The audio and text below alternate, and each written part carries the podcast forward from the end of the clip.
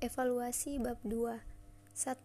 Bagaimana peran ekonomi Islam dalam mengatasi masalah kelangkaan sumber?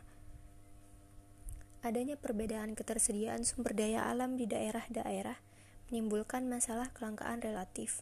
Undang-Undang Dasar Republik Republik Indonesia tahun 1945 pasal 33 ayat 3 menyebutkan bahwa bumi, air, dan kekayaan alam yang terkandung di, di dalamnya dikuasai oleh negara dan dipergunakan untuk sebesar-besarnya kemakmuran rakyat.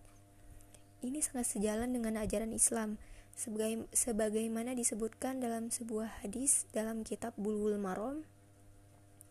Dari salah seorang sahabat radhiyallahu anhu, ia berkata, "Saya berperang bersama Nabi Shallallahu alaihi wasallam, lalu aku mendengar beliau bersabda, manusia adalah serikat dalam tiga hal: dalam padang rumput, air, dan api.